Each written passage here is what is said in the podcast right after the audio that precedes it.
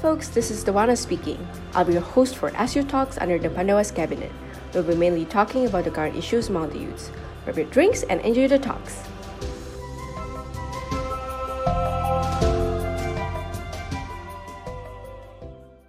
Di kesempatan kali ini, kita kedatangan tamu yang inspiratif tentunya. Leo ini cukup terkenal dengan tokohnya sebagai aktivis thalassemia. Mari kita sambut Kak Cecilia Maria Natasha. Halo Kak. Ya, ya. Gimana nih, Dev? Gimana? Terima kasih Kak Tasha udah bersedia untuk diajak ngobrol-ngobrol sama BMKM SU Kabinet Pandawa. Well, hello lagi Kak. Apa kabar nih? Terus sekarang lagi sibuk apa sekarang? Oke, terima kasih ya BMKM SU Pandawa sudah mengundang aku nih di kesempatan kali ini. Um, untuk sekarang ini sibuk ya paling kerja aja sebagai guru sekarang. Ya, selain sibuk kerja juga sibuk ada beberapa organisasi sosial dan ada side job juga tentunya. Sama um, ya membantu juga usaha keluarga gitu sih kurang lebih. Cukup sibuk ya kalau kita denger-denger nih. Oke, oke. Gak usah basa-basi lagi, yuk langsung kita mulai aja ya ngobrol-ngobrolnya. Mungkin pertama-tama bisa ceritain Kak, background Kak Tasya ini gimana, terus pendidikan yang ditempuh, bagaimana kehidupannya sampai bisa berada di titik sekarang, yakni membangun dan menjadi pengurus di beberapa NGO, terus ikutan international conferences juga. Oh. Um, hai lagi semuanya. Um, aku Tasya ya, di um, aku ini adalah lulusan Sampurna University uh, angkatan 2013. Berarti lulusnya tahun 2017 um, pen, uh, jurusan pendidikan bahasa Inggris, bahasa Inggris atau English Language Teaching. Um, setelah lulus dari Sampurna University, aku um, langsung menjadi full time bekerja full time di Sampurna Academy. Karena sebelumnya pas saat kuliah pun aku juga sudah part time dari semester 5 di Sampurna Academy juga. Dan setelah lulus langsung jadi guru full time di Sampurna Academy.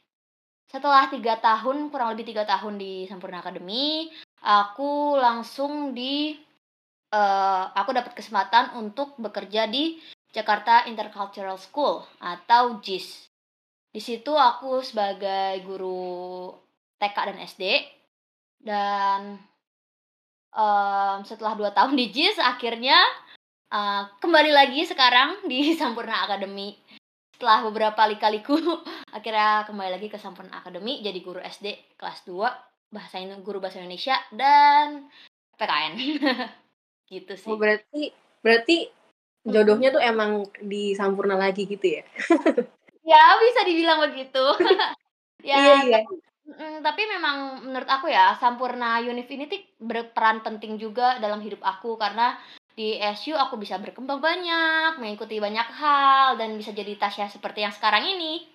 gitu. Oke, oke. Dari uh, research yang aku udah lakuin nih, Kak. Kak ini kan aktivis thalassemia ya. Dan ngomong-ngomong soal thalassemia, mungkin ada pendengar kita yang belum familiar dengan thalassemia. Boleh diceritain sedikit nggak sih, Kak, tentang thalassemia itu sendiri? Oke. Nah, Thalassemia itu adalah sebuah penyakit kelainan darah yang tidak menular tapi diturunkan, genetik jadinya ya.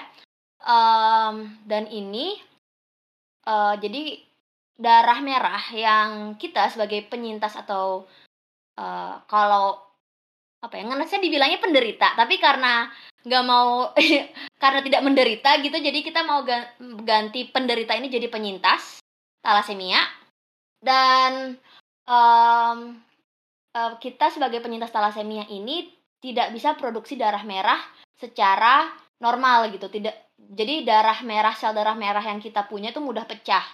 Nah, kamu tahu kan kalau misalnya darah darah merah itu ada kayak bulat-bulat keping darah gitu. Nah, kalau kita thalassemia itu uh, nggak nggak bisa produksi dengan sempurna. Jadi ada yang jadi bulat-bulat tapi mostly pecah kayak gitu. Jadinya kenapa kita butuh transfusi darah seumur hidup kita kayak gitu. Jadi secara reguler setiap ada yang dua minggu sekali, ada yang sebulan sekali, harus transfusi darah seumur hidup.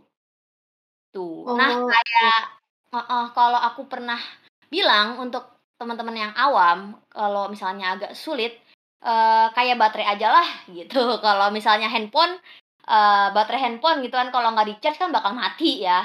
Nah, kita kalau misalnya nggak ditransfusi ya nggak bakal mati juga sih, cuma ya pasti bakal lemes, nggak bisa menjalani aktivitas kayak gitu. Oke oke, berarti dari penjelasan Kakak nih yang aku tangkap, itu tuh bukan penyakit sih ya jatuhnya, lebih ke kelainan nggak sih? Betul, kelainan darah. Betul betul, Iya. kelainan darah. Genetik soalnya kan? Iya iya. Mhm. Oke oke, tadi udah ngomongin thalassemia, sekarang, eee, kita mau ngomongin achievement-achievement Kakak nih ya kan. Mhm. mulai dari awal dulu ya Kak, apa sih mimpi Boleh besar boleh. Kakak dari kecil tuh? Mimpi besar aku itu adalah, mmm, pengen punya sekolah sendiri. Waktu udah waktu SMA tuh aku pengen punya sekolah sendiri. Kenapa? Aku pengen punya sekolah buat anak-anak seperti aku, eee, yang memiliki, eee, penyakit thalassemia ini, kayak gitu. Kayak, eee, kenapa aku pengen, karena kita tuh harus bolos sekolah gitu sering kan dulu dan, eee, beberapa kali kayak, eee, ada temen-temen yang kayak mungkin kayak mendiskreditkan gitu jadinya kayak, "Ih kok, eee, si Tasya nih malah, eee, boleh bolos terus kayak setiap ha setiap 2 minggu ke mana sih?" Kayak gitu. Terus kayak, "Ah males deh kalau sekelompok sama dia pasti entar dia nggak masuk." Kayak gitu-gitu kan. Padahal itu kebutuhan kita gitu kan. Itu Oh, kan iya kebutuhan iya. kita gitu kan. Terus habis itu, mmm, apa, mereka waktu itu pas saat SD, SMP, SMA gitu kan dari omongan-omongan buruk itu tuh, eee, aku tuh nggak berani membuka diri juga gitu, kenap nggak mau menjelaskan soal thalassemia kayak gitu kan. Nah makanya aku pengen mimpi besarku aku pengen bikin sekolah untuk anak-anak thalassemia sehingga mereka bisa mencapai mimpi-mimpi mereka, mereka bisa equal dengan yang lain. Jadi tuh aku mau bikin sekolah yang kayak cuma 3 hari, jadi 2 harinya lu bisa izin buat transfusi kayak gitu kan. Atau bisa di-rolling kayak gitu dengan jadwal yang fleksibel, sehingga memudahkan kita untuk, eee, mengikuti pelajaran gitu. Karena dulu aku struggle banget dalam pelajaran karena, eee, setiap kali aku nggak masuk, aku harus ngejar pelajaran jauh lebih lagi gitu kan, harus baca-baca sendiri di rumah sakit, bahkan pernah aku ulangan di rumah sakit kayak gitu.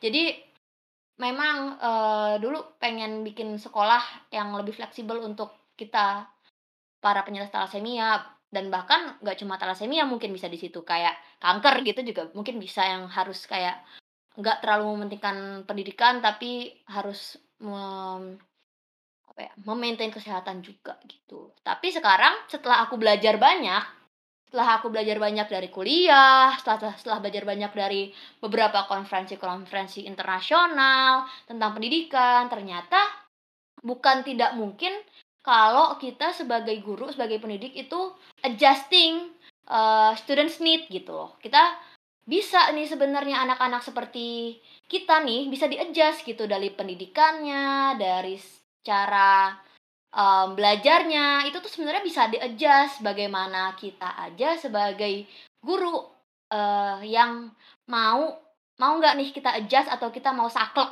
kayak gitu, kayak sekolah-sekolah pada pada zaman dulu gitu sih. Jadi kayak sekarang mimpi aku, aku pengen buat perubahan di pendidikan Indonesia. Terutama bikin equal, eee, membuat equal education for everyone. Oh, berarti you. Kakak ini lebih ke pengen menyuarakan equity ya? Yes. Ada equality, karena kalau equality kan kayak semua orang jatahnya sama gitu, tapi kan orang itu butuhnya beda-beda kan. Jadi Kakak berusaha untuk nge-fulfill biar semua ini kebutuhannya, eee, dapet gitulah. Right, betul. Karena equal means not the same, right? Equal bukan berarti eee, not means the same, but every people have, eee, got their own rights, have got their own needs, and all will be fulfilled gitu. Oke oke. Nah, Mhm. tadi udah mimpi besarnya Kakak tuh dari kecil kayak gimana. Terus Mhm. dari situ tuh, eee, gimana sih Kakak tuh bisa tahu, "Oh ini yang saya mau." Dan mulai dari Mhm. kapan Kakak ini mulai sadar untuk mulai mengejar mimpi tersebut? Oke. Oke, dulu waktu sekolah sebenarnya sempet goyah kalau misalnya, "Aduh jadi guru bisa nggak ya sukses? Kayak jadi guru bisa nggak ya dapet, eee, uang banyak?" Gitu kan dulu mikirnya gitu waktu sekolah ya. Terus, Iya iya. eee heeh, terus um, aku tuh setelah lulus SMA, karena aku SMA punya masa masa-masa kelam gitu kan. Aku setelah lulus SMA tuh bertekad, eee, aku bisa sukses, aku bisa dapat beasiswa, aku bisa membanggakan orang tua, itu. Ya, dan oh oh ya bisa mandiri secara finansial juga, kayak gitu. Aku dulu SMA, mmm, bener-bener masa kelam gitu kan, both dari teman-teman dari sekolah, kayak bisa dibilang bullying juga sih karena dia nggak mereka tidak tahu gitu kan, mereka nggak tahu soal aku, mereka nggak tahu soal penyakitku, tapi kayak mereka ngomongin aku dari belakang. Dan itu kayak, ya namanya juga sekolah cewek semua gitu kan, jadinya, eee, banyaklah omongan-omongan yang nggak bener soal aku kayak gitu, tapi aku nggak bisa ngelawan pada saat itu, gitu. Terus juga lagi ada waktu itu ada permasalahan keluarga juga, jadinya kayak bener-bener titik terendah aku tuh saat SMA.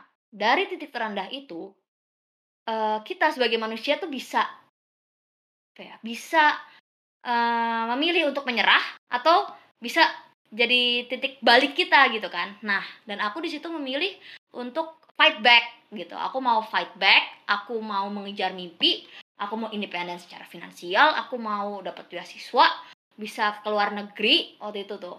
Aku inget banget dulu aku setelah, eee, saat lulus kul eee, SMA itu aku nulis 5 bucket list atau wish list gitu.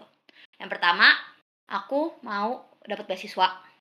Yang kedua, eee, oh ya beasiswa dan mandiri secara finansial tuh jadi satu. Lalu yang kedua, aku mau ke luar negeri dengan biayaku sendiri, dengan, eee, apa, usahaku sendiri gitu, 2. Dan yang ketiga itu adalah aku, mmm, apa, mau berimpak untuk sosial, untuk se semua orang gitu kan.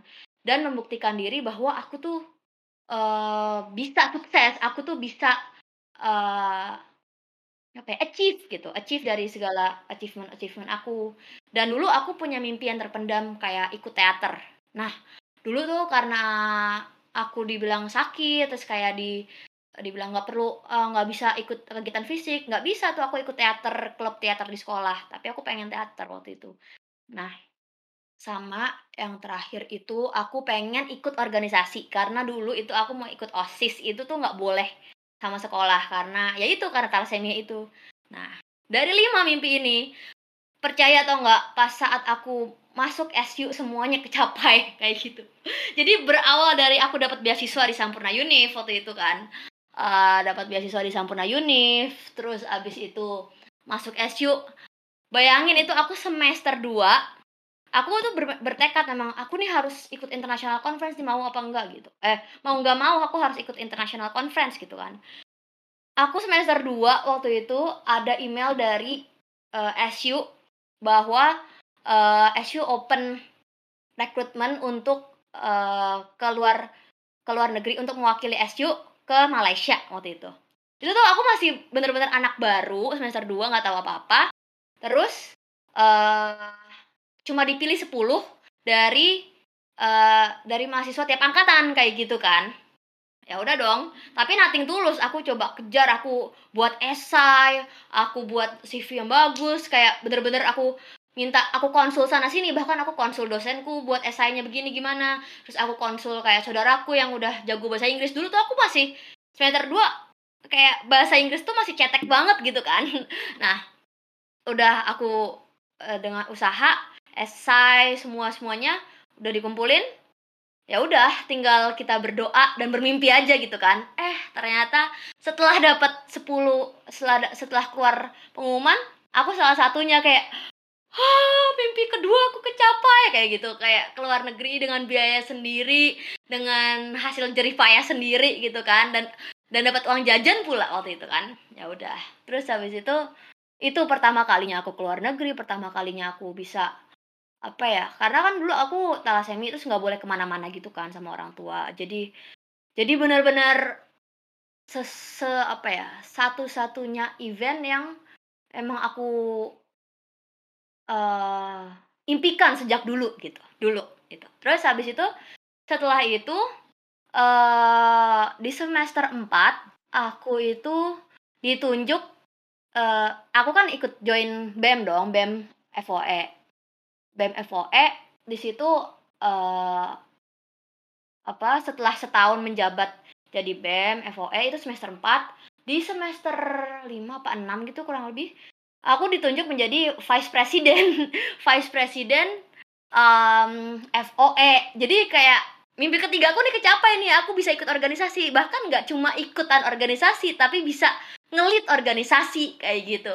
Di situ aku jadi uh, vice president FOE dan pada saat itu uh, vice president FOE karena kita SU itu baru digabung baru kebentuk uh, setiap vice vice president dari setiap fakultas harus jadi perwakilan fakultas di BEM uh, universitas gitu. Jadi kita BEM universitas pertama. Jadi aku masuk dua waktu itu langsung jadi vice president FOE sekaligus uh, perwakilan FOE di uh, BMF BMSU gitu. Dan aku yang jadi pakai penghubung gitulah antara FOE dan BMSU kayak gitu. Jadi bener-bener wow gitu sih kayak se, dalam baru dalam waktu dua ta tiga tahun dua tahun deh dua tahun itu udah langsung kecapai tiga mimpi gitu kan itu terus uh, apa Devino eh Devana mau nanya mau nanya sesuatu dulu atau aku lanjut aja nih uh, boleh lanjut dulu sih kak. Nggak apa-apa. Aku senang kok dengerin kakak cerita. Ya oke siap siap. Iya terus itu tiga mimpi udah kecapai ya kan? Terus abis itu uh, mimpi yang keempat main teater. Jadi waktu itu aku ada ulang tahun gereja gitu iseng-iseng. Aku kira itu cuma kayak teater drama biasa gitu di gereja gitu loh. Ternyata ini tuh teater da yang bener-bener di panggung gitu teater yang memang aku impi-impikan selama ini aku tonton kayak gitu. Dan aku jadi salah satu pemainnya bahkan pemain inti gitu kan. Terus kayak ah seneng banget. Karena by the way kak by the way sorry motong ini iya. uh, yang di teater gereja ini tuh teater apa kak? Boleh diceritain gak ke pendengar kita? Oh. kayak mereka belum oh. tahu hmm. gitu kan. Hmm. itu namanya The Art Beat Theater. Jadi gerejaku gerejaku kan uh, gereja Asisi nah itu lagi ulang tahun dia bekerja sama sama The Art Beat Theater gitu untuk pementasan di um, di dulu apa sih itu yang di Lotte? Ciput Ciputra Artpreneur gitu kan.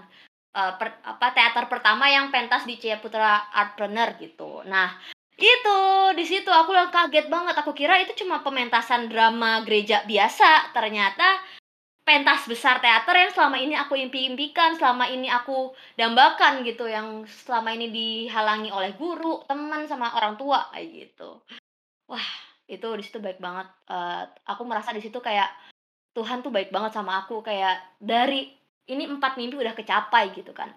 Dan bahkan setelah pentas di uh, Ciputra Artpreneur yang di Lotte itu setelah itu aku uh, join kan The Art Beat dan kita pentas ke Jogja. Nah setelah itu kita aku ikutan pentas keduanya itu yang di Jogja itu. Bahkan sampai kayak keluar kota uh, untuk pentas teater gitu loh. Kayak wah nggak pernah kebayang. Kayak gitu.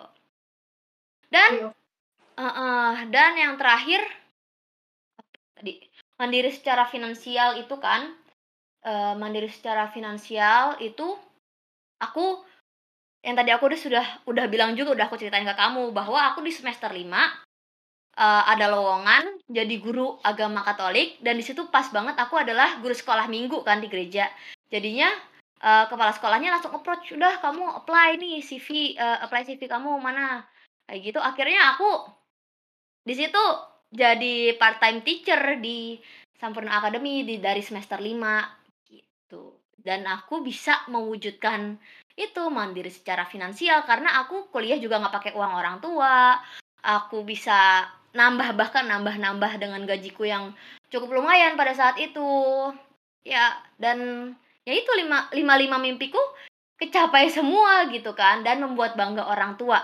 Buat bangga orang tua titik paling membanggakan aku itu adalah dulu aku uh, di semester 5 itu pernah jadi panitia graduation terus aku lihat ada best graduate yang um, yang speech gitu kan.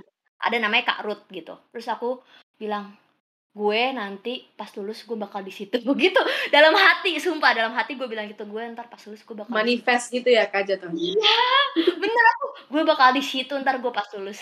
Dan beneran Devana kayak pas aku lulus gue di situ gue gue speech gue jadi best graduate di FOI gitu kan gemeter gue bener-bener kayak waktu pas waktu pas uh, Yudisium tuh gemeter pas dipanggil nama gue. Karena dulu aku kayak merasa uh, IP ku tuh pas-pasan karena aku lebih aktif organisasi gitu kan. Hmm. kayak IP ku tuh pas-pasan gitu. Nggak nggak mungkin lah ngalahin ada satu temanku uh, nggak mungkin lah ngalahin Nabila gitu kan. Nabila IP-nya lebih tinggi daripada aku gitu kan. Dan bahkan yang summa cum laude tuh dia gitu summa cum laude gitu kan. Tapi ternyata uh, base graduate itu nggak dilihat dari nilai aja tapi bagaimana balancing uh, organisasi balancing akademik dan bahkan balancing kayak sosial kayak gitu. Jadinya bener-bener gemeter aku pas di situ pas di Yudisium. Cecilia Mariana Mar Cecilia Mariana Tasya disebut sebagai best graduate FOI kayak ah, lemes banget bangga banget. Kayak pas diminta jadi uh, speech pas graduation aku bilang wow what a dream comes true gitu kan. Jadinya wah gitulah. Makanya aku bener-bener merasa titik titik balikku itu di pas aku di SU gitu. Berarti kunci dari kesuksesan kakak ini adalah bermimpi berdoa dan berusaha gitu ya yang bisa aku rangkum dari penjelasan kakak tadi. Oke okay, oke. Okay. Lanjut lagi ke pertanyaan selanjutnya. Mengingat kakak ini kan ada thalassemia ya, terus kayak bagaimana tanggapan keluarga dan kerabat tentang mimpi besar kakak tadi? Pasti kan yang tadi udah kakak ceritain kayak suka dihambat di hmm. apa ya jadi kayak orang tua kan jadi kayak takut nanti kalau anak aku kayak gini gimana gitu kan. Jadi kayak udah mendingan nggak usah gitu gitu kan. Iya benar pasti. Hmm. terus gimana sih cara kakak tuh meyakinkan orang tua kakak kayak nggak mah pah kak dek aku tuh bisa gitu loh. Ya, kayak gimana sih cara meyakinkannya gitu? Iya. Oke okay, this is interesting. Oke okay, jadi um, memang bener banget yang kamu bilang. Kayak dari dulu kamu bilang nggak usah jangan begini nggak boleh uh, nanti dulu atau next time ya gitu-gitu kan. Pasti gitu kan. Dan that's why kenapa aku merasa aku memendam mimpi aku selama selama dari SD sampai SMA tuh karena itu gitu kan. Tapi ketika aku mulai apa ya mungkin karena dibully itu juga ya aku merasa kayak jadi lebih kuat gitu loh ketika aku kayak uh, apa ya waktu SMA nih bener banget jadi kayak bener pas aku duduk di depan belakangku ngomongin aku keras-keras gitu kan kayak Oke, gitu kan, lo mau ngomongin gue tapi itu nggak bener kayak tapi aku nggak bisa fight back gitu. Nah, mungkin kayak balas dendam dari itu. Karena dulu aku bener-bener nggak bisa ngomong apa ya, kalau ada orang yang berkata buruk sama aku, aku cuma ting cuma minta maaf doang gitu, nggak bisa, uh, ngomong balik gitu kan. Dan ternyata eh, dan setelah, uh, lulus SMA itu, aku punya tekad yang kuat dan apa ya nekat sih tekad dan nekat gitu. Jadi uh, aku pokoknya aku mau coba dulu gitu. Uh, kalah atau uh, apa ya, berhasil apa enggak urusan belakangan kayak gitu. Nah di situ juga pas saat konferensi pertama itu juga aku nggak aku diem diem jadi aku nggak pernah share mimpi aku ke orang tua aku nggak pernah share aku dibully ke orang tua aku nggak pernah share apa ya uh, pencapaian-pencapaianku selama kayak sekolah itu ke orang tua gitu, orang tua cuma tahu, ya udah ini Tasya anak alim gitu gitu gituan. Nah, di situ, uh, di situ aku daftar pas daftar pertama kali konferensi itu, itu aku modal nekat, ketika aku kepilih, baru aku kasih tahu, terus kayak dia, "Hah, ngapain kamu kayak gini gini Gitu kan. Terus, "Kamu kan nggak pernah ditinggal sendiri bla bla bla," gitu-gitu. Ntar kalau, uh, kalau hmm, kalau misalnya kenapa-napa gimana gitu kan. Di situ aku bilang, "Mah, aku tuh bisa," gitu. Karena sebagai penyintas thalassemia, ya aku kan transfusi darah. Ini cuma uh, ini konferensi cuma lima hari gitu kan. Aku dulu transfusi darah sebulan sekali. Nggak hmm, mungkin aku iya. harus transfusi dulu gitu. Aku yang penting aku transfusi dulu dulu aku minum obat rajin, aku bawa obatnya, dan di situ ada orang yang bisa mama percaya. Jadinya pertama aku ngiyakinin orang tua, yang kedua ya udah, eee, ajak si orang tua ini untuk, eee, bertemu satu orang yang bisa dipercaya dalam kelompok, eee, berangkat ke luar negeri itu. Dan yang ketiga, buktiin bahwa memang kamu bertanggung jawab dengan segala resikonya, gitu. Berarti memang harus modal nekat ya, Kak? Betul. Tua, ya betul betul. Nekat dan Terus tekad. Tekad oke yang. Mhm. Dan ini juga nih, Kak, ngomongin thalassemia lagi kan. Ya. Thalassemia ini kan kelainan genetik ya, yang berarti Kakak udah mengidapnya dari kecil. Apakah Mhm. kelainan tersebut mengganggu perkembangan Kakak secara personal selama ini? Kalaupun iya, gimana cara Kakak ngatasinnya? Oke, secara personal, Yang mmm, tadi mungkin kayak diomongin sama temen-temen gitu kan, dan mereka tuh nggak tahu kalau Kakak tuh sakit Mhm. thalassemia gitu loh, kayak ini tuh kelainannya ya ya kelainan gitu kan, Iya beda iya sama iya. kondisi kalian semua gitu.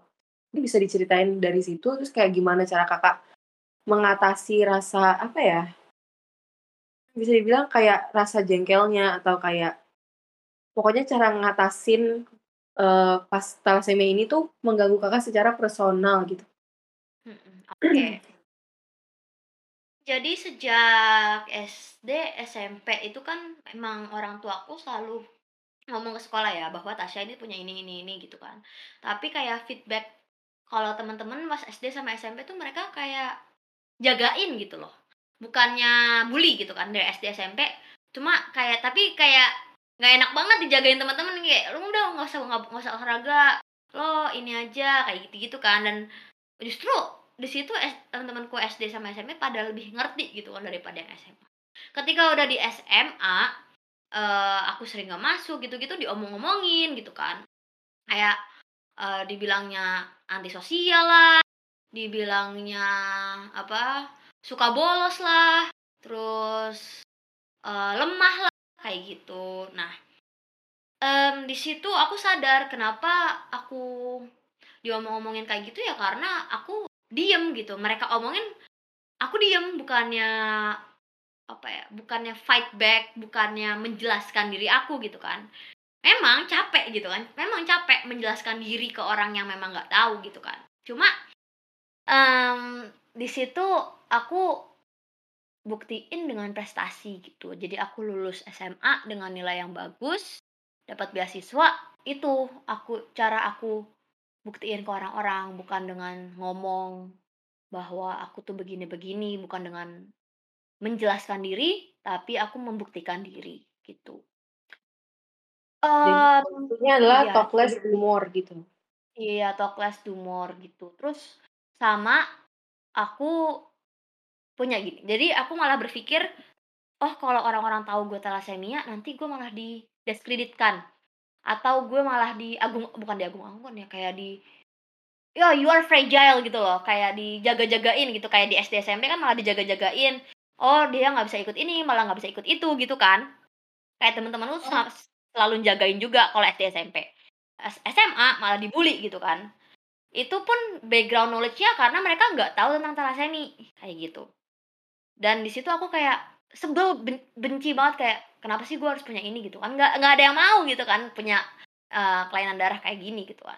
Jadinya aku di situ, membuktikan dengan prestasi, tapi saat SU itu juga, masuk SU juga, aku belajar bahwa aku tuh, eee, mama karena aku udah gede gitu kan, aku udah gede, mama sama papa tuh nggak usah ngasih tahu ke dosen bahwa aku punya gini-gini, gitu. Aku memang tetap harus transfusi, tapi aku punya cara gitu kan, karena kita punya di setiap kelas gitu kan kita punya maksimal 3 absen kan. Aku kayak selalu, eee, transfusi tuh di situ, ketika aku misalnya aku satu kelas A udah absen, berarti aku besokannya harus absennya di hari yang kelas B gitu. Jadinya aku mensiasatinya di situ. Jadi orang-orang di SU pada awal-awal aku kuliah, nggak ada yang tahu aku thalassemia gitu. Jadi mereka memandang aku dengan sama seperti yang lain, bahkan aku bisa konferensi, aku bisa dipercaya jadi ketua organisasi, kayak gitu-gitu. Dan bahkan aku dulu ikut nari, kayak gitu-gitu kan di sekol eee, di kampus. Dan ternyata aku di situ ber berpikir, "Oh enak juga ya kalau misalnya, eee, dipandang jadi kayak orang biasa aja," gitu kan. Cuma di semester 5 6 kalau nggak salah, itu tuh aku ada ada masalah gitu sama dosen. Dosen nanya, "Ini kenapa si Tasya kok suka nggak masuk?" Gitu-gitu kan. Karena dulu ada regulasi rumah sakit tuh berubah gitulah intinya. Jadi aku harus cuma bisa nggak masuk di hari Jumat kalau nggak salah. Dan itu kan jadi masalah ya sama si satu dosen ini. Terus akhirnya mau nggak mau aku membuka diri gitu, membuka diri ke dosen, bilang aku punya ini dan aku harus begini gitu. Tadinya tuh teman-teman aku nggak ada yang tahu, paling cuma satu dua orang lah yang kalau aku bilang izin aku sakit nih, aku begini baru aku jelasin gitu kan. Nah, Mmm. eee, di situ pun aku belajar, ternyata nggak semua orang kayak temen SMA gue gitu kan, nggak semua orang kayak temen SD, SMP gue gitu kan. Justru di kuliah orang-orang malah pada support gitu kan, malah malah pada bilang, "Wah, lu punya begini, punya thalassemia, tapi kok lu bisa begini, bisa begitu," kayak gitu loh. Jadi aku ngerasa seneng, aku udah dikenal sebagai Tasya, bukan sebagai anak yang punya thalassemia, dan ternyata si Tasya ini punya kekurangan yang besar di balik, eee, prestasi-prestasinya ini, kayak gitu. Jadinya, eee, di situ aku belajar bahwa aku tuh nggak perlu, apa ya, nggak perlu menjelaskan dirilah, membuk menjelaskan diri ke orang-orang bah eee, tapi aku buktiin aja, gitu. Dan di situ akhirnya setelah setelah sejak saat itu, sejak orang-orang tahu aku punya thalassemia, justru aku bisa share awareness gitu, spread awareness, bahkan ajak mereka untuk donor, gitu. Dan bahkan mereka kayak nemenin aku di rumah sakit, gitu sih. Jadi support system akulah, gitu. Ih, keren keren banget temen-temennya dan keren juga buat Kakak karena bisa, apa ya, balance waktu untuk kayak berobat dan waktu belajar dan waktu berorganisasi juga, gitu. Itu kan Mhm. pasti susah, ya kan? Sekarang kita intermezzo sedikit ya, Kak. Kakak kan hobi travelling, baik itu untuk sekedar jalan-jalan ataupun mengikuti international conferences. Out of all the countries that you have visited, what's your most favorite country and why? Was there any special moment that you'll never forget during the trip? Oke oke, gini, Iya. jadi ada, eee, 2 sih sebenarnya. Satu, eee, negara yang paling sangat berkesan di hati itu adalah Yunani pastinya, karena di Eropa gitu kan. Di Yunani, di Santorini, sama Tessaloniki itu. Tapi ada kejadian paling berkesan itu waktu aku di Thailand. Nah, makanya aku mesti ceritain nih kayaknya semuanya nih, sesuai, Boleh. seperti yang tadi aku bilang ya kan. Seperti yang tadi aku bilang, aku awal ikut konferensi itu di dari SU, eee, sebagai participants untuk, eee, Diversity and Inclusion Youth Camp dari University Teknologi Malaysia. Di situ aku masih semester 2, jadi, eee, one of the 10, eee, delegation for, eee, from Indonesia, especially from Sampurna University.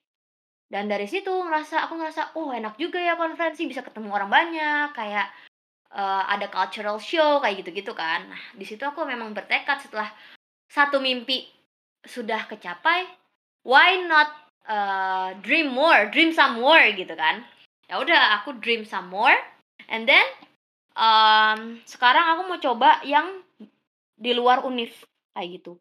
Jadi aku tahu ada sebuah, mmm, organisasi, an organization that established by Barack Obama, presiden Amerika pada saat itu. Dia membuat sebuah komunitas atau organisasi, eee, bernama Yo Youth Southeast Asian Leaders Initiative atau YSEALI. Itu inis inisiatif dari, eee, US Embassy di negara-negara di Southeast Asia yang bekerja sama dengan, eee, universitas-universitas di US dan juga, mmm, company-company di Southeast Asia untuk build up youth gitu.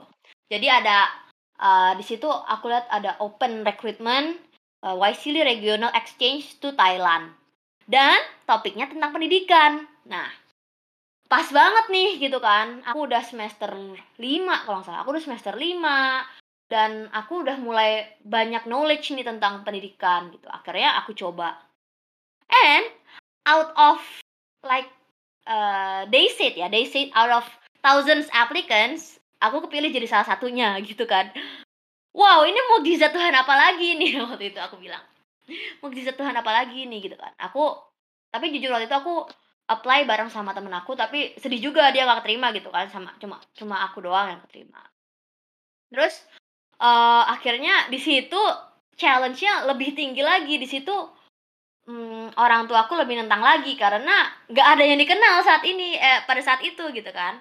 Itu orang orang Indonesianya cuma 10 dan itu dari Jakarta aku sendiri, yang lainnya tuh dari kota-kota lain. And then, ya udah kita akhirnya kenalan kenalan kenalan kenalan, ya udah kenal nyokap, terus akhirnya dibolehin berangkat gitu kan. Modal nekat lah pokoknya, dia dibolehin berangkat. Dan di situ apa ya, experience terbaik sih di situ. Karena aku jadi deket dengan US Embassy, kayak ada acara-acara dari US Embassy terus kita sebagai alumni itu diundang gitu, diundang untuk kayak bahkan kita sering diundang ke event-event di, eee, US di rumahnya ambassador of US gitu, untuk kayak sekedar makan, buka bersama, kayak gitu dulu. Jadi, eee, setelah dari di Thailand itu aku juga menemukan orang-orang yang memang fokus ke pendidikan, di situ kita bikin project bareng. Ya walaupun aku kelompok aku nggak menang gitu ya untuk implement project, tapi, eee, di situ kebersamaannya bener-bener erat gitu, walaupun cuma 2 minggu. Cuma 2 minggu kita bikin project, dan di situ bahkan ada momen yang tadi aku bilang, ada momen paling, mmm, momen paling oke itu ketik paling unforgettable. Momen paling unforgettable itu adalah ketika aku lagi jalan-jalan nih sama teman-teman aku, gitu kan. And then, mmm, kit aku tuh tiba-tiba, mmm ingin ke toilet gitu kan, sedangkan kita ke pasar malam yang nggak ada toiletnya gitu kan. Terus akhirnya, eee, aku bersama temen aku balik ke hotel, sedangkan grup yang lain itu, eee, udah duluan lah ke pasar malam.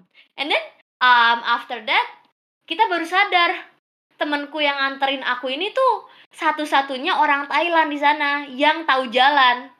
Terus kita mikir, "Wah, nanti mereka bisa pulang nggak ya?" Eee, bahkan mereka nggak bisa bahasanya kan, kayak gitu. Mereka nggak bisa bahasanya dan beneran akhirnya nyasar. Jadi setelah kita, eee, setelah beres-beres tuh di hotel gitu kan karena ada yang ketinggalan, karena kita harus ke toilet gitu-gitu, eee, kita akhirnya nyari mereka keliling Thailand, eee, malam itu gitu kan. Wah, ternyata mereka nyasar, milih jalan yang lain yang agak lebih jauh gitu.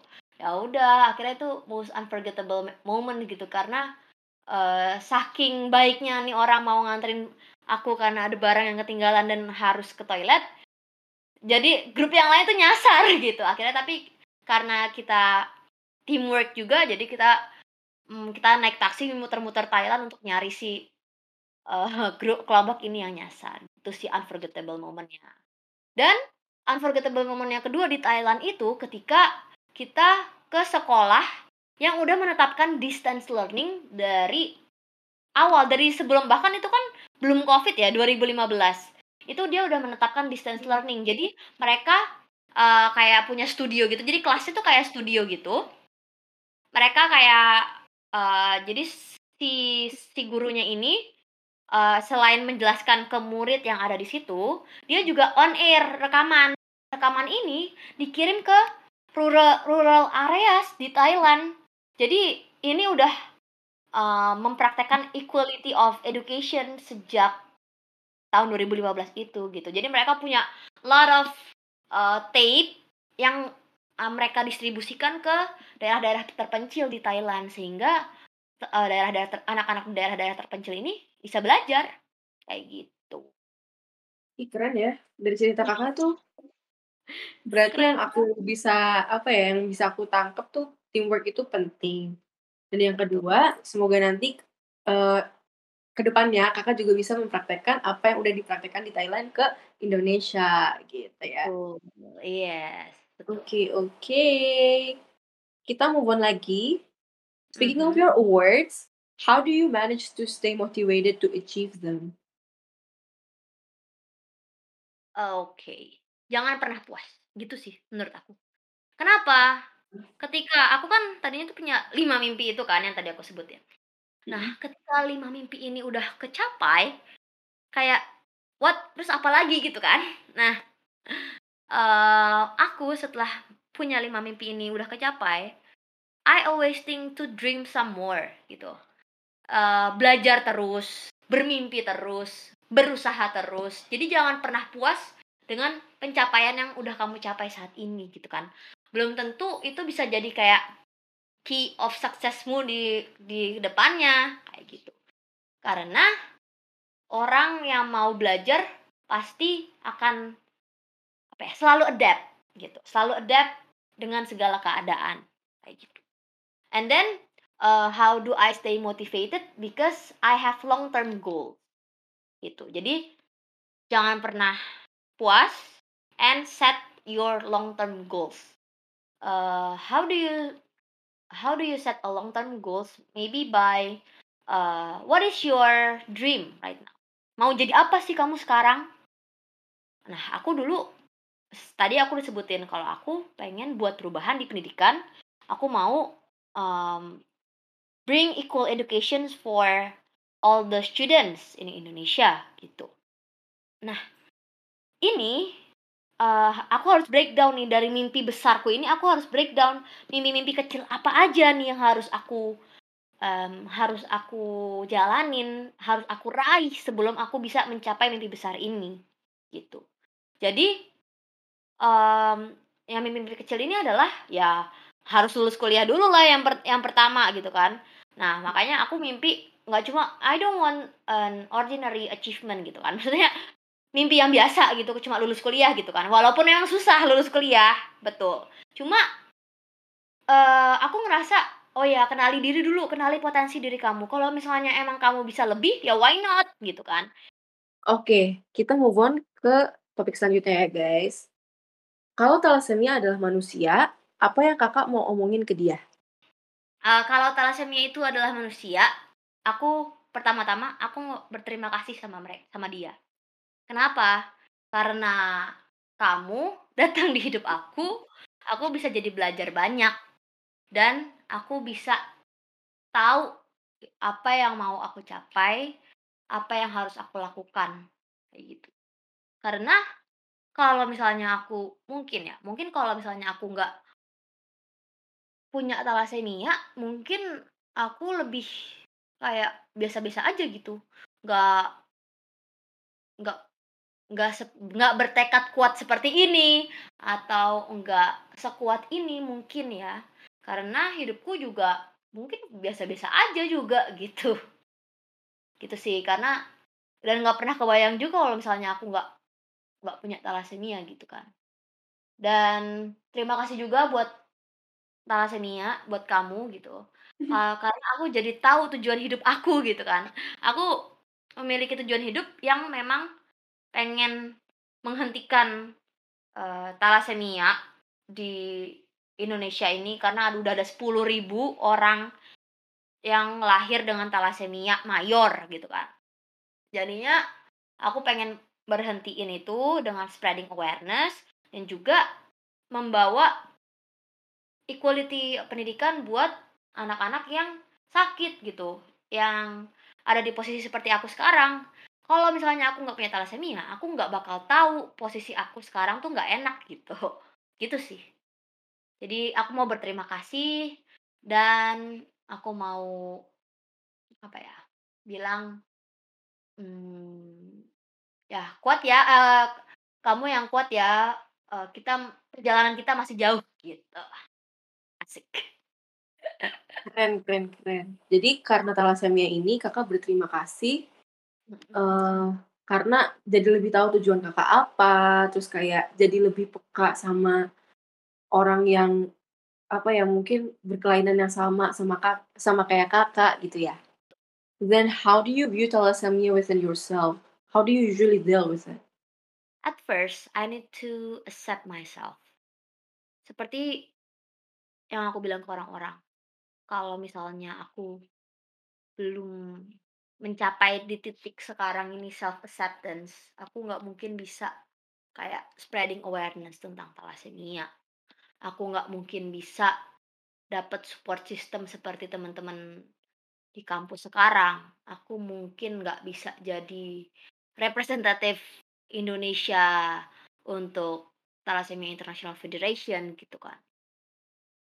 Ya apa ya, aku sih justru bersyukur gitu ya dengan diri aku dengan diri aku yang sekarang ini karena thalassemia tuh nggak jadi penghalang buat aku untuk maju gitu. Justru jadi kayak penyemangat dan justru jadi kayak pengingat untuk uh, harus melakukan terapi, pengingat untuk selalu bersyukur, dan pengingat untuk uh, berusaha semaksimalku gitu.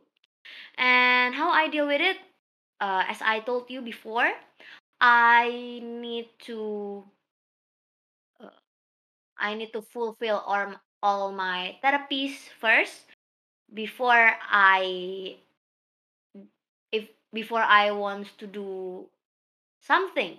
For example, if I want to go for an international conference, I need to find out um, how long how long is it and and how amount how many amounts of um, transfusion that I need to have before I go for that international conference. Also, um, thalassemia juga membawa aku ke Yunani gitu kan. Jadi uh, dulu aku buat skripsi tentang thalassemia. Setelah aku udah mulai self self acceptance itu, aku buat skripsi tentang thalassemia, tentang bagaimana anak-anak yang uh, memiliki thalassemia bisa adapt di sekolah dan apa aja kayak obstacles yang mereka punya dan ternyata aku ngerasa aku nggak sendiri gitu. Aku punya teman-teman yang mengalami hal yang sama kayak aku aku punya teman-teman yang berjuang sama kayak aku dan masih banyak anak-anak yang harus dibantu gitu. Anak-anak kecil yang lahir dengan thalassemia yang harus dibantu untuk fight for their for the equality of education gitu. Dan bahkan sedih banget aku pernah dengar kayak ngapain ada anak kecil ngomong ngapain sih mah aku harus sekolah? Orang aku aja setiap hari ke rumah sakit kayak gitu. Itu kayak nyes banget di aku kayak enggak dek kita tuh tetap harus sekolah gitu kan. Uh, nggak bisa kita cuma mengandalkan kayak kita harus bolak-balik karena bolak-balik ke rumah sakit kita nggak bisa sekolah kita nggak bisa menempuh pendidikan yang layak dan kita nggak bisa sama seperti yang lain. Nggak gitu. Kita tetap harus bisa hidup gitu kan. Walaupun kita punya thalassemia dan kita harus fight for it. Jadinya um, di situ aku mulai sadar bahwa banyak anak thalassemia yang have less motivated gitu demotivated. Jadi aku punya sekarang aku bertujuan mau uh, spreading awareness ke orang-orang untuk stop thalassemia dan juga aku mau apa ya um, uplifting um, the kids with thalassemia, the motivation of the kids uh, with thalassemia gitu. Jadi kita training mereka dengan segala skill yang bisa kita pelajari. Bahkan um, bahkan aku dan teman-temanku di thalassemia movement itu kita sering ngadain kayak training hard skills and soft skills buat anak-anak ini supaya mereka sadar mereka tuh bisa loh meraih mimpi walaupun mereka punya thalassemia. It, thalassemia itu bukan penghalang buat maju gitu. Jadinya um, kenapa aku sekarang fokus banget untuk kayak menyuarakan thalassemia? Karena aku ini demi masa depan generasi muda yang memiliki thalassemia juga dan demi masa depan kita semua juga untuk stop thalassemia. Karena thalassemia itu nggak bisa sembuh. Thalassemia itu harus dicegah gitu kan. Thalassemia bisa dicegah tapi nggak bisa disembuhkan. That's why I always spread awareness tentang thalassemia. Kalau misalnya kita screening sebelum menikah kita jadi tahu kalau misalnya kita punya thalassemia gitu. Karena ini fun fact ya Dev. Kamu misalnya kamu ini uh, orang sehat gitu kan sehat nggak perlu transfusi darah nggak perlu apa apa tapi kamu bisa jadi gen bisa memiliki gen thalassemia That's why kenapa penting screening sebelum menikah. Karena screening sebelum menikah itu termasuk ada screening talasemia juga. Dan di situ, mmm, kamu bakal tahu kamu pembawa gen talasemia apa enggak, kayak gitu. Dan makanya kita menyuarakan harus stop talasemia, ya ketika kamu punya gen talasemia, kamu nggak bisa menikah sama orang yang punya gen talasemia juga nih. Kamu harus kalau misalnya kamu, eee, mau nikah sama orang ini, ya kamu harus berkorban, mungkin nggak punya anak, atau mungkin kayak dengan bayi tabung gitu kalau misalnya anaknya terdeteksi talasemia jadinya, eee, apa, kamu bisa bersiap gitulah intinya. Jadi kamu harus Iya. many ways gitu, many ways setelah screening.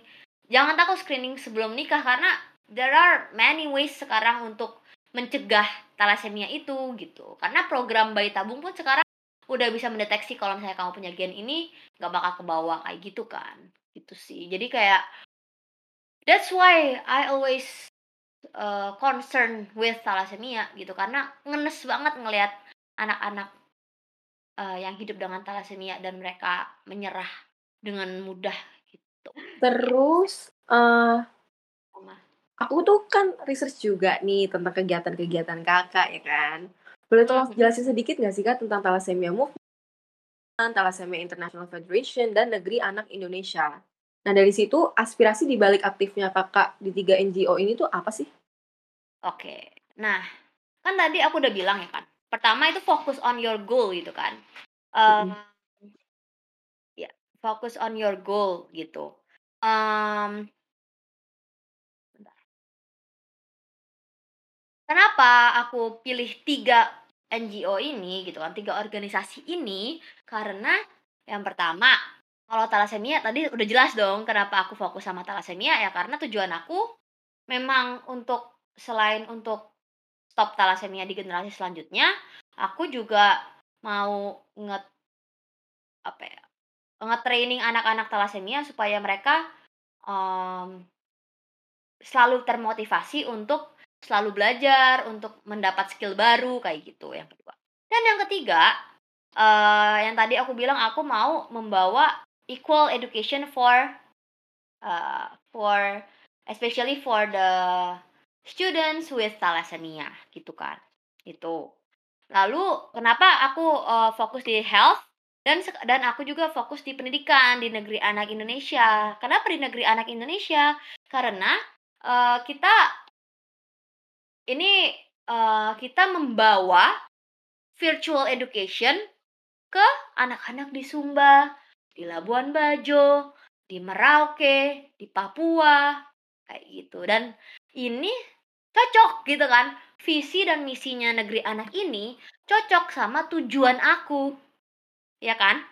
Jadi, eee, bringing equal education not only for the students with special needs, mungkin bisa bisa dibilang special needs, but also the students with eee, in the rural areas gitu.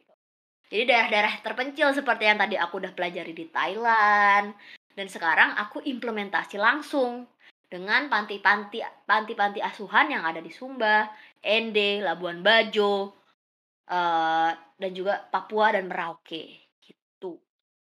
Itu sih, kenapa aku fokus di 2 ini. Nah, satu lagi cerita, eee, kenapa aku bisa kepilih di Thalassemia Patient Advocacy Group sebag eee, sebagai perwakilan Indonesia, kenapa? Mungkin aku, mmm, dulu jadi gini, aku dulu nggak aktif di thalassemia gitu kan, karena memang aku belum menempuh ke self acceptance itu. Makanya aku juga takut open up to people gitu kan.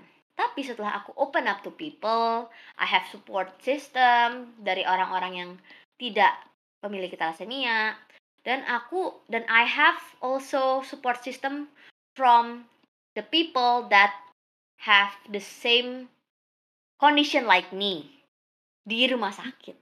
Jadi, aku pertama kali join Thalassemia Movement itu ketika aku udah lulus kuliah, dan ketika aku udah mencapai self acceptance itu baru aku mau kenal-kenal yang lain. Kan tadinya, eee, aku tranfusi sendiri aja, aku nggak nggak open up sama mereka, aku nggak mau dinilai sebagai orang yang punya thalassemia kayak gitu. I'm not opening up to people gitu kan. And then um, saat aku join thalassemia movement, aku baru sadar kenapa nggak aku harus aku spread awareness bareng-bareng mereka, kenapa nggak aku bikin bikin projectnya bareng mereka? Kayak gitu kan. Dan dan di tahun pertama aku join si thalassemia movement ini dokter ada dokter yang bener-bener kayak merasa wah ke mana aja nih kamu selama ini? Gitu kan.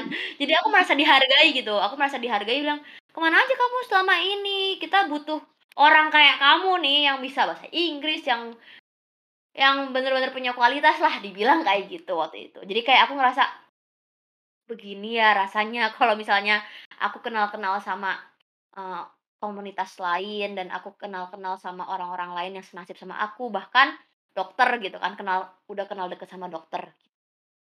Nah dari situ aku mulai aku mulai apa ya aku mulai fokus tuh ke situ. Bersama Thalassemia Movement fokus ke movement si untuk mencapai mimpi-mimpi aku ini gitu karena memang kita punya visi dan misi yang sama gitu kan. Nah and then setelah aku uh, join beberapa tah nggak beberapa tahun juga sih beberapa bulan di thalassemia movement dokterku ini um, ngajak aku untuk ikut konferensi. Jadi setiap tahun konferensi thalassemia itu diadakan di berbagai macam negara wah dan itu aku baru tahu gitu kan itu berbagai, diadakan berbagai macam negara. Dan salah satunya waktu itu ada kesempatan untuk ke Yunani. Ya udah, hmm. aku diajak lah di situ karena dokter ini tahu potensiku dalam bahasa Inggris dan bahkan aku bilang dok boleh nggak kalau misalnya aku um, presentasi skripsi di sana karena mereka open for paper gitu kan open for open for paper submission ya udah ya udah aku apply aja gitu kan akhirnya apply keterima jadi paper presenter dan akhirnya join sebagai peserta dan paper presenter pada saat itu gitu. Dan setelah saat itu, setelah konferensi talasemia pertamaku, aku baru kebuka matanya kalau misalnya banyak hal nih yang belum gue tahu dan ada orang-orang dari negara lain juga yang sama kondisi sama kayak aku gitu kan. Dan di sini aku mulai sadar, wah ternyata penting ya kalau misalnya kita tuh tahu banyak informasi dari luar dan kita juga apa ya, advocate our um, our insights and ideas gitu sama orang-orang gitu. Orang-orang thalassemia di luar sana gitu juga. Nah, akhirnya mulailah aku punya mimpi baru untuk um, untuk jadi um, apa aktivis thalassemia yang uh, internationally gitu kan. Dan pada saat itu juga kenapa uh, aku juga dapat email kebetulan banget kayak aku di email untuk undangan untuk menjadi representatif Indonesia di thalassemia patient advocacy group. Gitu karena mereka merasa uh, bisa nih berkomunikasi sama aku. Dari dari konferensi yang pertama itu mereka merasa kayak bisa nih berkomunikasi sama aku dan aku bisa kayak uh, papernya gitu. Ada ada paper yang dipresentasiin dan udah tahu gitu tentang thalassemia. Udah jadilah aku sekarang aktif juga di thalassemia patient advocacy group untuk menyuarakan um, para menyuarakan segala suara para pasien thalassemia di Indonesia bahkan dokter dari Indonesia untuk uh, ke Thalassemia International Federation tuh. Oke, oke. Kalau tadi kan uh, masalah dari apa ya, koneksi-koneksi gitu kan. Terus kayak, uh, Kakak nih bisa ikut international conferences, tapi yang daftar sendiri gitu, itu tuh kayak gimana sih, Kak? Kayak ceritanya gimana, daftarnya gimana, gitu? Ya. Oke, kuncinya yang pertama, jangan pernah berhenti mencari, jangan pernah berhenti mencoba, gitu. Aku dulu tahu Wisely aku tuh nggak tahu dulu apa itu Wisely gitu kan. Terus aku lihat-lihat, oh ini barang jadi kayak aku udah follow-follow uh, kayak akun beasiswa Indonesia gitu-gitu kan, kayak Youth Opportunity. And then segala macam account aku follow di Instagram, segala uh, website aku telusuri gitu kan, konferensi-konferensi.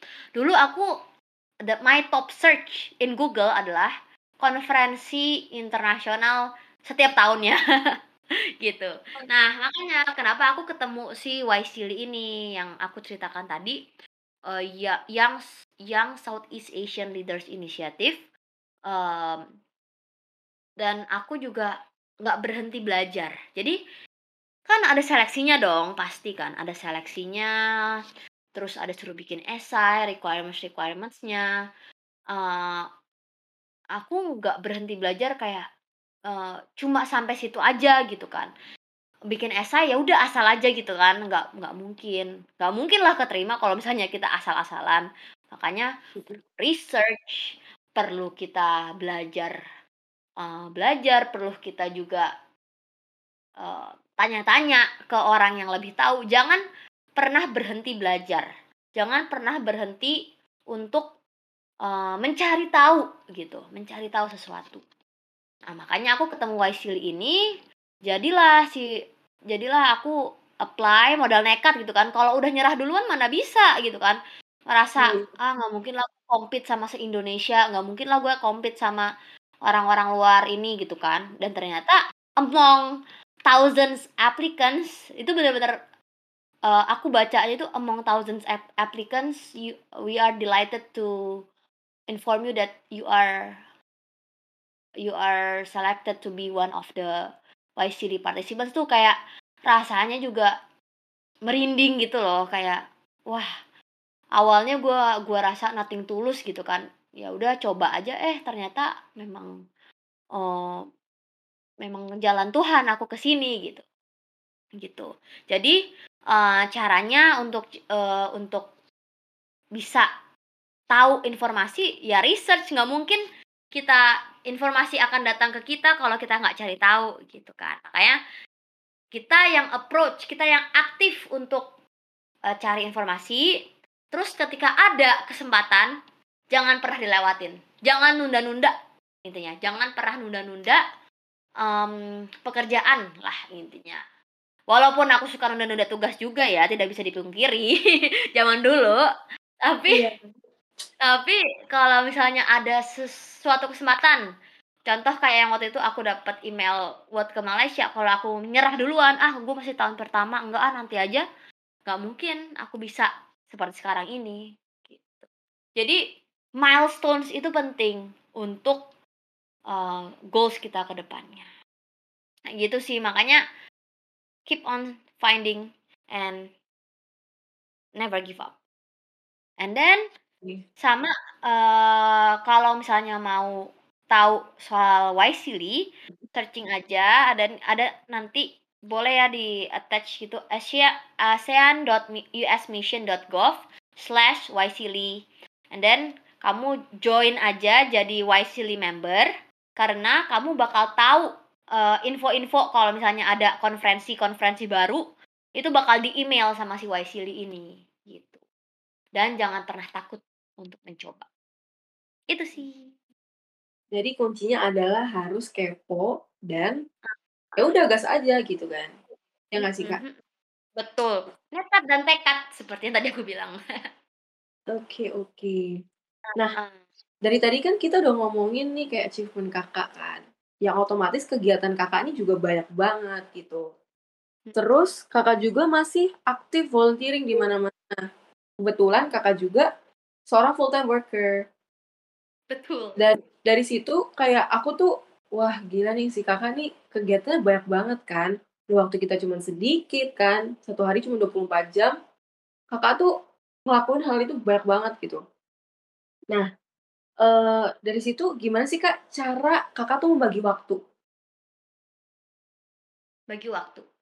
Heeh. Apa? Yang jelas ya, jam kerja, ya kita kerja gitu kan, tetap jam kerja kita kerja, tetap jangan, eee, jangan bis kalau bisa jangan ke-distract sama hal lain. Maksudnya kayak organisasi ini jangan sampai ke-distract, tapi kalau misalnya udah nggak ada kerjaan yang perlu dilakukan, ya why not gitu kan, untuk tetap produktif lah intinya. Yang pertama, tetap produktif. Dan jangan menunda pekerjaan. Kalau misalnya kamu sekali nunda, udah amburadul semua gitu. Jadi, eee, gunakan jam kerja itu semaksimal mungkin. Kalau misalnya memang ada urgent meeting, ya dimaklumkan sih. Cuma kalau misalnya ada kayak unfinished work, jangan sampai itu jadi mengganggu malam kamu karena setelah kerja kamu tuh punya dunia yang berbeda. Kamu bisa main, kamu bisa um, ngerjain organisasi yang kamu suka gitu. Intinya kamu tahu apa yang kamu suka gitu kan. Dan jangan menjadikan organisasi ini sebagai beban, tapi jadikan sebagai hobi. Itu sih. Kalau misalnya hobi, kita kan ngelakuinnya sukarela dong. Kita ngelakuinnya kayak senang-senang aja. Kalau misalnya kita udah jadiin ini beban, ya nggak mungkin bisa kita lakuin di jam kosong kita gitu kan. Padahal kan kita sebenarnya punya jam kosong banyak gitu kan.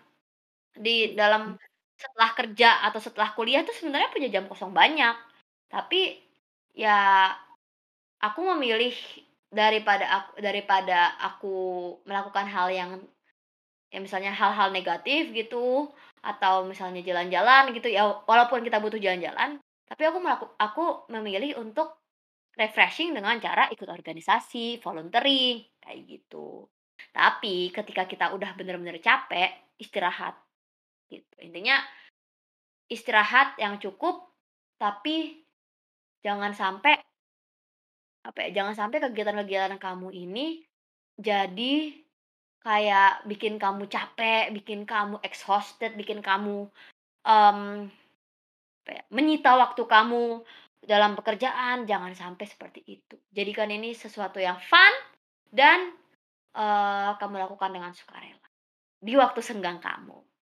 Gitu. Jadi kenapa aku iya bisa meditasi ya kan? Aku merasa ini refreshing, bukannya beban, bukannya kerjaan gitu. Oke oke, berarti ngelakuin sesuatu harus ikhlas. Itu salah satu kuncinya biar semuanya tuh uh, bisa terselesaikan, ya kan? Oh my god, nggak kerasa ya kita sudah sampai di penghujung acara. Mungkin ada pesan khusus yang mau disampaikan Kak? Uh, do you have any tips and tricks on staying positively productive and healthy? Oke. Okay sebenarnya udah dari tadi aku udah nasihatin ya maksudnya kayak setiap dari cerita aku itu udah ada uh, key pointsnya yang memang bisa aku uh, bisa dipraktekkan juga nih buat teman-teman di sini ya kan uh, hmm. cuma yang pertama aku punya uh, lima poin sih banyak ya maaf ya yeah, yeah. lima poin um, yang pertama kenali diri kamu sendiri ya, self acceptance, uh, apa ya, self esteem, pokoknya pengenalan diri kamu sendiri itu mulai dari kamu tahu apa yang kamu mau, apa yang badan kamu rasakan, jangan kamu tolak gitu kan. Itu atau kayak kamu kenali diri kamu apa sih sebenarnya? Gue mau mau apa sih di masa depan tuh harus kita kenali juga dari sekarang gitu kan. Nggak bisa nanti nanti karena itu part of our milestones gitu. Misalnya sekarang masih bingung nih mau apa? Ya udah nggak apa kamu long term uh, apa short term goals dulu gitu kan. Yang penting kamu punya goals dalam hidup ini gitu. Jadi kenali diri kamu in terms of your condition your body and uh, your dreams and also your goals gitu dan yang kedua adalah never give up, jangan pernah menyerah, and stay motivated. Apa ya? You, you know, you can do anything that you want. Karena aku dulu nggak pernah kepikiran gitu untuk bisa mengejar mimpi-mimpi aku, tapi ternyata uh, jalan Tuhan nggak ada yang tahu gitu kan. Gitu. Dan jangan pernah jangan pernah eh, berhenti untuk belajar dan mencari tahu eh, hal-hal yang kamu inginkan gitu. Kalau misalnya kamu memang pengen uh, ikut international conference ya go for it gitu kan. Nothing tulus lah. Jangan pernah mencoba eh jangan pernah menyerah untuk mencoba. Begitu. Nothing tulus. Coba aja karena kamu sendiri tuh nggak tahu apa potensi yang besar dalam diri kamu tuh kamu mungkin sekarang kamu belum menemukannya, tapi dengan kamu mengikuti kegiatan-kegiatan yang kamu suka, kegiatan-kegiatan yang kamu impikan, kamu lama-lama akan mengenali potensi diri kamu. Begitu. Dan dan yang terakhir, jangan lupa screening talasemia sebelum menikah dan kalau punya temen yang ada talasemia atau punya penyakit didukung, disupport.